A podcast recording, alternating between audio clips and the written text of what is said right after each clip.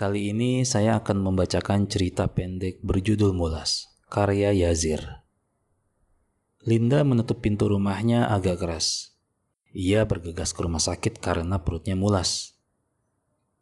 Calon bayi yang dikandung kayaknya udah gak sabar mau melihat dunia. Ini adalah kehamilan pertama Linda setelah tujuh tahun berumah tangga. Mas, kamu gak punya perasaan banget sih? Ini tas aku berat banget tau. Diangkat dong ke motor. Kata Linda emosi kepada Iqbal. Iqbal yang sehari-harinya bekerja sebagai sopir ojol kojek buru-buru mengambil tas tersebut. Ia kemudian menaruhnya seperti arahan Linda. Badannya yang kurus krempeng membuat ia nyaris terjatuh. Wajar aja, tas yang dibawa Linda berupa carrier ukuran 60 liter. Ini mau ke rumah sakit apa ke Gunung Gede sih? Kata Iqbal dalam hati. Iqbal lantas minta Linda untuk naik ke atas motor. Ya ampun, kamu benar-benar gak peka ya. Orang lagi hamil besar gini mana bisa naik motor sendiri. Kamu pegangin dong. Kata Linda kembali emosi. Iqbal menciut.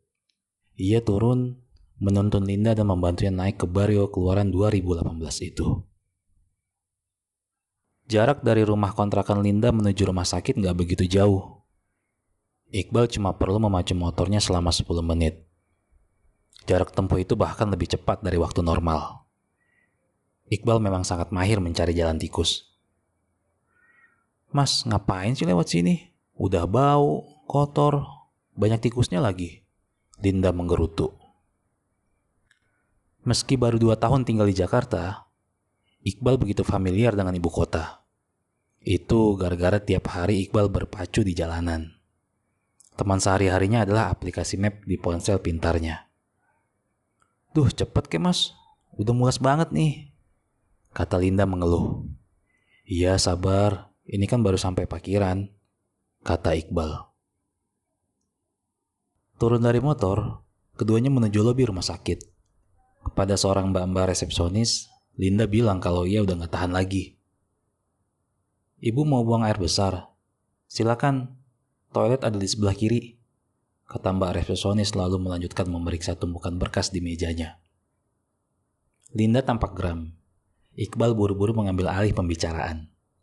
Iqbal berkata, Bukan mulas mau pup mbak, ini orang yang mau dikeluarin.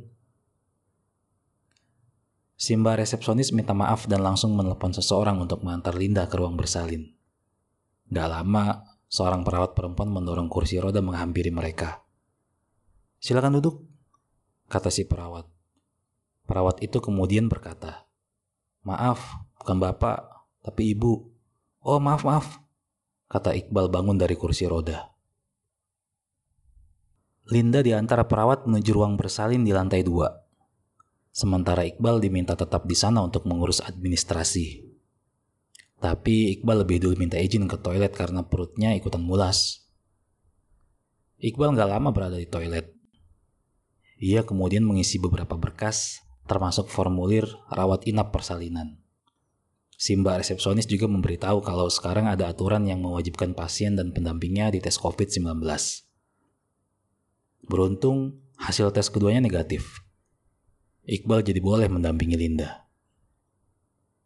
Untuk menunggu pembukaan lengkap agar siap melahirkan secara normal, Linda ditempatkan di sebuah kamar bernama ruang observasi. Ruangan ini mirip kamar perawatan. Ada dipan pasien berjejer dengan tirai penyekat. Perawat beberapa kali masuk ke ruangan tersebut untuk mengecek tekanan darah dan memasang selang infus di tangan Linda. Untuk memantau kontraksi dan denyut jantung si bayi, perut Linda dipasang sejenis sabuk yang terhubung ke alat bernama elektrokardiograf. Dua jam berlalu. Pembukaan Linda nggak juga bertambah. Padahal dia udah mulas banget. Seorang perawat lantas meminta agar Linda jalan-jalan keliling rumah sakit. Coba jalan-jalan dulu ya untuk menambah pembukaan. Oh iya, Bapak ikut dampingi juga, kata si perawat. Iqbal malah serius menatap layar ponsel sambil sibuk membalas pesan WhatsApp. Ia tampak gelisah. Keringat sebesar biji-biji jagung basahi wajahnya. Aneh.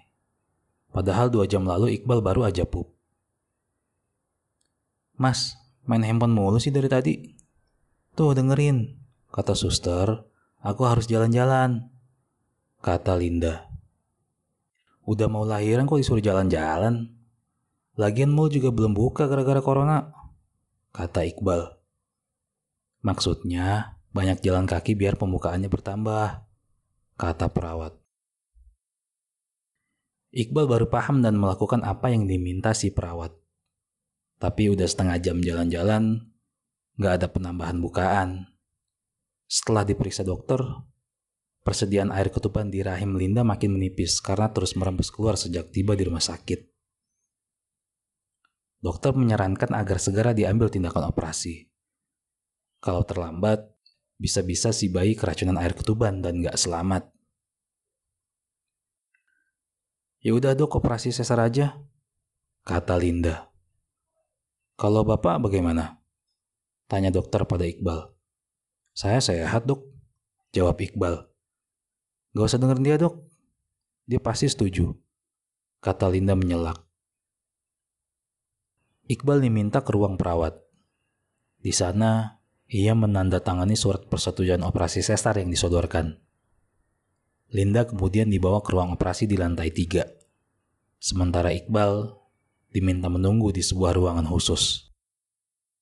Di ruang tersebut, banyak laki-laki seumuran Iqbal duduk harap-harap cemas.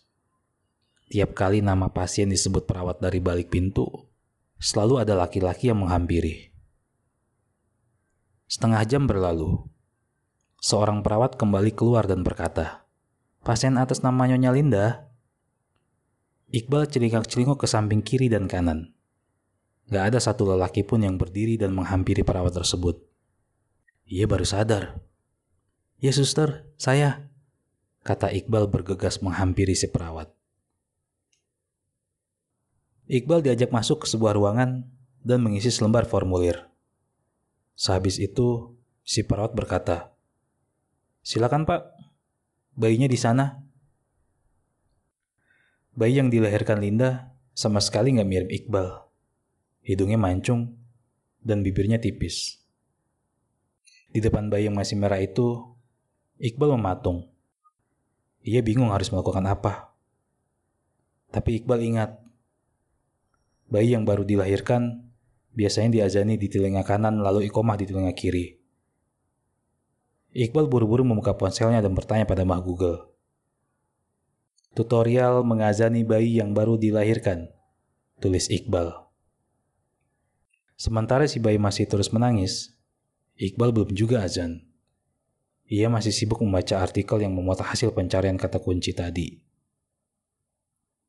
Bapak belum azan juga? Tanya si perawat dari jauh. Iya ya suster, ini baru mau, kata Iqbal.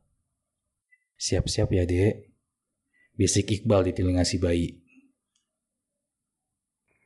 Beberapa hari kemudian, Sore itu, Iqbal menepikan motornya di pinggir jalan untuk istirahat di bawah pohon yang rindang. Ia baru saja keliling mengantar paket. Gak lagi di Kojek, Iqbal kini bekerja sebagai kurir di BNE, sebuah perusahaan penyedia jasa ekspedisi. Di sana, penghasilan yang didapat tiap bulan jauh lebih besar dari sebelumnya. Lagi asik meluruskan kaki sambil duduk di trotoar, ponselnya berdering ada pesan masuk dari Linda.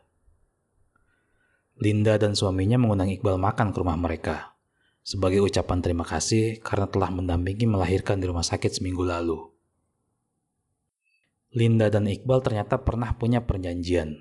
Suatu waktu, Linda dibuat kecewa oleh Iqbal. Makanan yang dibeli Linda lewat aplikasi Gojek datang gak sesuai pesanan. Waktu itu, Kebetulan Iqbal yang mengantar makanan tersebut. Linda didiagnosa mengidap angry sirturlosis, sebuah penyakit yang menyerang psikis perempuan hamil. Penyakit tersebut bikin pengidapnya emosi nggak jelas, kalau lagi merasa nggak nyaman atau kesal. Saat tahu makanan yang nggak sesuai pesanan, Linda mencak-mencak kala itu. Mas, ini gimana sih? Aku pesan martabak yang datang kok seblak kata Linda kesal. Ya udah, aku kasih rating jelek aja. Ancam Linda sambil melotot. Iqbal memelas agar Linda nggak benar-benar melakukannya. Dia nggak mau nasibnya seperti rekannya yang akun Kojika dinonaktifkan pihak manajemen gara-gara dapat ulasan buruk dari pelanggan. Mbak, maafin saya. Tolong jangan kasih bintang satu.